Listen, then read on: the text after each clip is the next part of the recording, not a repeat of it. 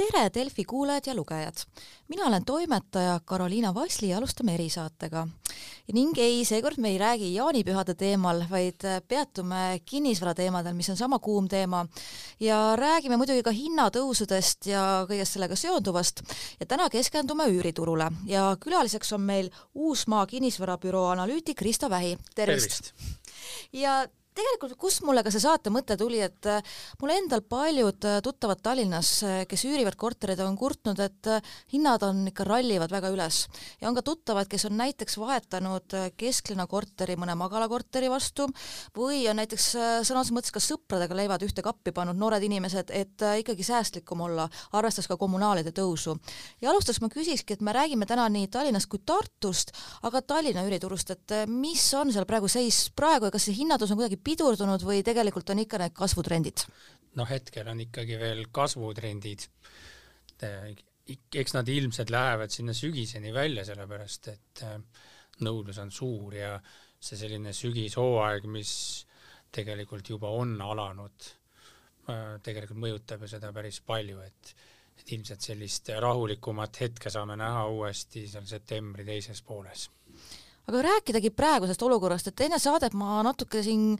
kinnisvaraportaalides vaatasin ringi ja et ütleme, sellise ühikatoa eest kuskil võib-olla seal TTÜ lähedal küsitakse ka juba kuusteist ruutu ja kolmsada, kolmsada viiskümmend eurot kuus pluss kommunaalid, et kas see ongi meie praegune siis selline reaalsus? jah, see paraku on praegu meie reaalsus, et nõudlus siin alates kahekümne neljandast veebruarist põhimõtteliselt on nii hüppeliselt kasvanud, et me oleme täiesti uues situatsioonis, mida mitte kunagi Eestis üüriturul ju enne pole nähtud. et äh, selline pagulaskriis ja, ja selline suur inimeste sissevool ja eks see paratamatult on siis üüriturule nii kõvasti mõjunud, et äh, hinnad lähevad üles. no, no ütleme kuskil viiesaja euro eest, mis seda, mille, mis selle eest praegu Tallinnas saab? viiesaja euro eest saab kahetoalise korteri magalas ja kui, kuidas on ka selle pakkumisega, ma vaatasin ka seal portaalis jäi silma, et tegelikult ega ega ei ole väga palju ja kas on ka siis see, et kui tuleb äh, praeguses hinnatasemes mõistliku hinnaga korter, on kohe ka palju tahtjaid ukse taga, et konkurents? noh, üldiselt on niimoodi, et kuni nelisada eurot, siis on ikka tõsine laviin. Äh, ja väga ti-, väga tihe, tihe selline huviliste vool on ütleme umbes kuni seitsmesaja eurose korterini siin ma mäletan, et äh, koroonakriisi ajal millalgi sinuga ka arutasime just nendest äh, nii-öelda Airbnb korteritest ja mis tol hetkel jäid seisma. aga kas need on äh, liikunud üüriturule praegusel hetkel või praegu pigem juba võetakse ka neid külaliskortereid nagu sellena rakkesse, et siin suvel välisturistidele pakkuda? jaa, tegelikult turism on ju taastunud ja välisturistid on Eestisse oma tee taas leidnud ja paljud äh, lühiüürikorterid on tegelikult läinud täpselt sinna tagasi, milleks nad mõeldud olidki, ehk siis Airbnb, et praegu seda ei, väga ei näe, et lühiüür läheks, läheks nii-öelda pikka üüri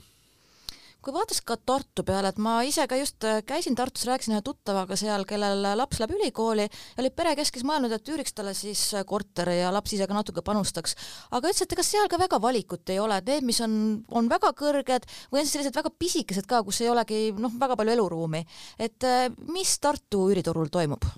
no Tartu üüriturul on suisa defitsiit, et kui vahepeal siin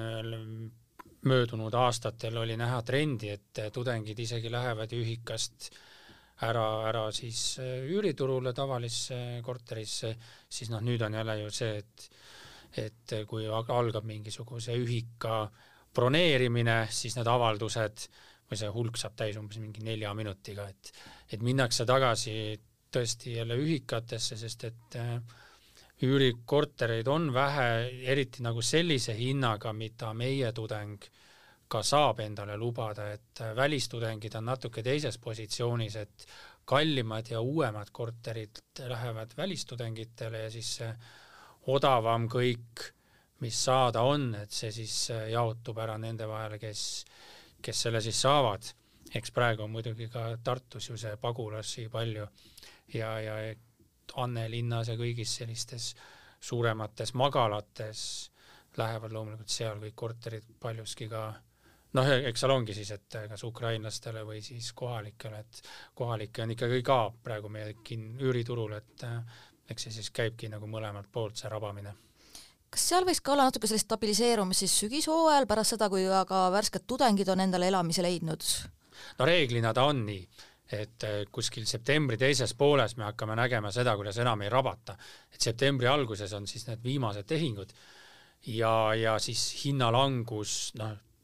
või siis stabiliseerumine, ma, seda me ei tea veel täpselt, kuidas siin nüüd see kriis edasi läheb, eks ole, reeglina on olnud siis nii, et äh, septembri teises pooles hakkab selline aeglustumine, siis mõne aja pärast tuleb väike hinnalangus. et seda, kuidas nüüd, nüüd läheb, noh, eks me siis seda saame veel näha kas pigem siis rääkida jah, stabiliseerumine või võib ka nii Tallinna kui Tartu puhul need, kes ootavad, et äkki on selline pisikene hinnalangus või pigem hinnalangus kui sellist ei tule? No vot, seda ei tea, sellepärast et siin on nüüd mitu erinevat võimalust, et üks asi on ju see, et et põgenike vool Eestisse jätkub. no sellisel juhul ei saa seda väga eeldada. teiselt poolt äh, on meil siin päris suure ohuna, me muidugi ei tea, kuidas seda nüüd menetlema hakatakse nii-öelda, on ju need kommunaalhindade tõusud, eriti siis just küte ja elekter, lisaks muidugi kõik muu hinnatõus, et siin on jällegi teiselt poolt tuleb ilmselt piir ette paljudel juhtudel, et ega üürniku jaoks on ju üks pott üürihind pluss kõik kommunaalid, mida ta maksab. ja kui see läheb kusagilt üle taluvuspiiri, siis kas hakatakse omanikuga läbi rääkima või valitakse endale soodsam pind. et, et, et iseenesest ma arvan, et see, see tendents võib tegelikult seda üüriturgu ja seda hinnatõusu tegelikult samuti jahutada kas on ka peale tulemas selliseid uusi kortereid, me jah, võib-olla räägime natuke nendest üürimajadest ka, mis mina tunnistan, et ma hetkel olen natukene ka kohati võib-olla hinnataseme juures skeptiline, et olen siin Tallinnas vaadanud, et kui seal kahetoaline kuskil kuussada eurot pluss seal on fikseeritud kommunaalid päris kõrged, et kes on üldse nende sihtgrupp ja kas seal võib ka hinnatase muutuda, minna ühel hetkel võib-olla kättesaadavamaks ka neile, kellel sellised summad käivad üle jõu? Sihtgrupp üldiselt üürimajades on täpselt samamoodi läbilõige ühiskonnast, et äh, tegelikult on seal ka täpselt erinevad kliendid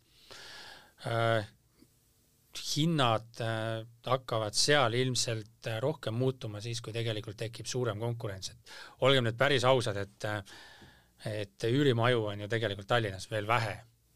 Neid oleks palju rohkem vaja ja tegemist on ikkagi uute, uute elamispindadega, nad antakse tihti ju värskelt esimesele üürnikule üle, noh, mõned jäävad sinna kohe pikaks ajaks siis elama, et nad saavad tegelikult täiesti ju tuttu ühes korteris elada. et eks see määrabki selle üürihinna. et äh, hetkel ta on jah, ütleme niimoodi, et äh, üürimajadega on siis lugu nii, et nõudlus ületab selgelt veel pakkumise aga on neid lähiaastatel peale kerkimas või kuidas seal turusegmendis äh, ka situatsioon on? noh, eks see kõik sõltub ju ka e-, ehitushinnast. Ehm, praegu ehitamine on kallis ja et mis edasi saab, et nõudlust loomulikult on. see on nüüd see, et ehm, kuidas arendaja seda riski, riski võtab ja, ja kuidas ta seda noh, millist, millist lõpphinda ta siis tegelikult praegusel juhul näiteks üürnikule pakkuda üldse saaks me räägime siin ikkagi jah, et tegelikult ega suurt hinnalangust pole oodata ja tegelikult nõudlus ju ikkagi ka kasvab ja tuleb neid peale, kes nii Tallinnas kui Tartus tahavad, aga mis võib olla trend, et kas hakatakse ka asulatesse, mis on siis Tallinnast äh, väljaspool üürima, et saab ütleme näiteks rongiga käia Tallinna vahet, see on trend, mida me oleme näinud just äh, müügiturul, aga kas ka üüriturul? Mm, jaa, üüril, üüriturul on samamoodi tegelikult see trend olemas, et üüritakse äh, kui on eriti, kui on siis autoga inimene, loomulikult rong on väga suureks abiks, aga ütleme, et kui on autoga inimene, siis veel eriti, et äh, minnaksegi eemale, üüritakse eemale korter äh,, kus on odavam veel. et äh, Tallinna hinnad on kasvanud kiiremini kui palgad Tallinnas, et äh, see on fakt ja, ja see paraku paneb ka selle paika, et et äh, paljud hinnatundlikumad inimesed lihtsalt vaatavadki väljaspoole mis äh, sina näiteks konkreetselt soovitaksid noortele inimestele, kes ka praegu mõtlevad, et kas pigem üürida või ikkagi korter osta, isegi kui selle hind tuleb päris krõbe ja pangamakse, et praegusel hetkel, mis sa arvad, et muidugi see on väga individuaalne, ma saan aru, aga üldiselt? see on individuaalne selles mõttes, et noh, kõige lihtsam on ju kõrvuti panna üürihind ja siis see eeldatav, eeldatav summa, mida sa maksad näiteks pangale iga kuu tagasi aga noh, eestlane on selline kinnisvarausku rahvas, et eks paljudel hakkab siis esimesena ikkagi see, et no jaa, aga noh, ikkagi oma kodu ja siis ma maksan ju seda tasu ju iga kuu nagu enda kodu heaks ja nii edasi, et noh, et äh, eks ta pigem vist ongi natuke kas selles kinni, et mis ongi su enda selline maailmavaade, et kui noh, on inimesed, kes ongi põhimõttelised üürijad ja siis on inimesed, kes on põhimõtteliselt ei taha üürida, tahavad kindlasti omada. et äh, eks seal tegelikult ju tulebki panna kõrvuti see, et, et äh, noh, millist, millist perspektiivi sa praegu näed enda elus, enda tulevikus, et kas sa oled veel liikuv inimene või mitte, kas sa tahad ennast laenuga siduda või mitte, äh, ja noh, kõik sellised asjad, et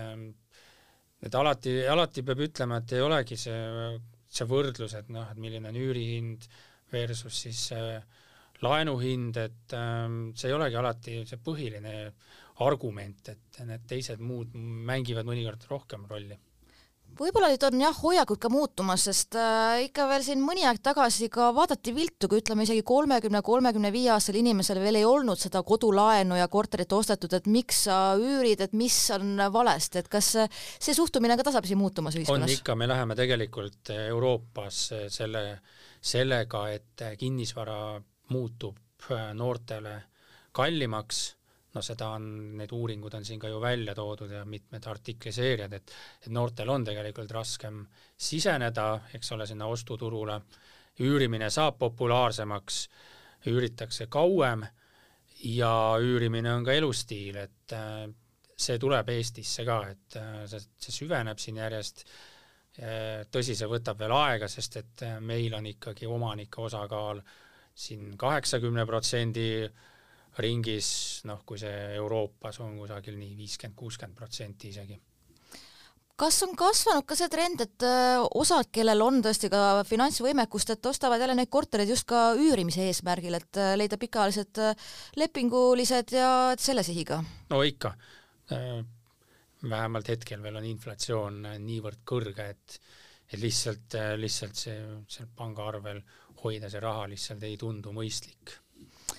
Küsiski, et tegelikult ka, et ka endal mul tuttavad küsivad, et sa oled meedias, äkki tead rohkem, et mis siis kinnisvaraturul saab, ütleme poole aasta või aasta pärast, aga küsikski, kui pikalt saab üldse mingeid ka prognoose praegu teha või et siin on nii palju muutuvaid tegureid ja mis ei sõltu sugugi ainult äh, meist Eestist ja laiemalt ka noh, üleilmselt no prognoose saab teha jah, lühemaks ajaks. kindlasti üks progno-, üks, mida ma ütleksin, et äh, kindlasti ei maksa midagi eitada. et noh, et öelda et näiteks, et hinnad ei saa mitte kunagi langeda või või midagi sellist, et äh, me elame niivõrd, äh, niivõrd ebastabiilsel ajastul, et meil saab tegelikult absoluutselt kõike juhtuda. No on nii. noh, loomulikult me saame nüüd võtta siin mingisugused vähe reaalsemad Äh, stsenaariumid, noh, mis me arvame, et noh, nii, on reaalne, et meile, meiega läheb nii, noh, siis me näeme reaalsemalt praegu seda, et hinnad kasvavad väga-väga kiiresti, äh, mis tähendab seda, et äh, mingi hetk, hetk nad ei saa enam niimoodi kasvada lihtsalt. me näeme ka seda, et tõenäoliselt läheb tehingute arv hakkab mingi hetk langema, sest lihtsalt tehinguid jääb vähemaks väga hea küsimus, oluline küsimus on see, et kui palju lõpuks tõstetakse Euribori. ma arvan, et läheb iseenesest nii, et Euribori tõstetakse täpselt senikaua, kuni see inflatsioon saadakse kuhugi sinna, mida, mida soovitakse, et mm., et ilmselt tõstetakse seda tõesti mitu korda ja see null koma kakskümmend viis siin juulis ja septembris on järgmine tõstmine, et need ei jää kindlasti viimaseks. aga me ei tea isegi seda, kuhu maani tegelikult see Euribor võib minna, et on räägitud siin kahest protsendist, no on räägitud ka kuuest protsendist, nii et noh, see on tõesti praegu, praegu nii pikalt ei saagi tegelikult, ei saagi praegu tegelikult nii pikalt ennustada, hetkel me oleme kõik, elame selles rütmis, et sügisel tulevad tõenäoliselt väga rasked ajad äh, hinnatõusudega, ei ole ka praegu hetkel näha, et äh, et tuleks selliseid meetmeid, suuri meetmeid Äh, millegi hüvitamiseks, no Läti on praegu eeskujuks, siin vaadatakse, mis Läti teeb, kas tasub teha ja nii edasi, hetkel me ei tea, kas mingisuguseid hüvitusmeetmeid tuleb või mitte ehk ka kokkuvõttes äh, ka ei tasu ka piirata ennast mõelda, et ühel hetkel on suur mull, mis puruneb ja hinnad lähevad alla, aga mitte ka vastupidi, et mõelda, et nüüd on utoopiliselt kerkivad ja kerkivad, et ka vaadata, et asjade käiku. No ja, ja just nimelt, et sa ei saa mitte kunagi päriselt öelda, et noh, et nüüd jääbki midagi igavesti kestma, et see on tegelikult natukene näha sellist praegu sellist kunagise buumiaja sellist virvendust, kus noh, arvatakse, et hinnad ilmselt jäävadki ainult tõusma, et kindlasti nii ei saa öelda, aga aga teiselt, teiselt poolt ei tasu ka kohe siis nagu sellist äh, mulli purunemise juttu ajada, kuna meil tegelikult päriselt nagu mulli kui sellist no odava laenu, laenurahaga mis sest, et, mis sest, et Euribor on miinuses hetkel olnud aastaid ja aastaid ja me oleme saanud väga odavalt raha kätte, see pole siiski olnud võrreldav sellega, mis oli, mis oli siin äh, ülemöödunud kümnendil, et äh, laenu, laenu saamine lihtsalt on olnud niivõrd palju raskem võrreldes tolle, tolle ajaga. et äh, meil ei ole ka mõtet nüüd rääkida päris seda, et meil miski laenude peale ehitatud mull nagu suurelt võiks lõhkeda aga aitäh rääkimast sellest teemavaldkonnas nii üüriturust kui ka laiemalt praegusest olukorrast ja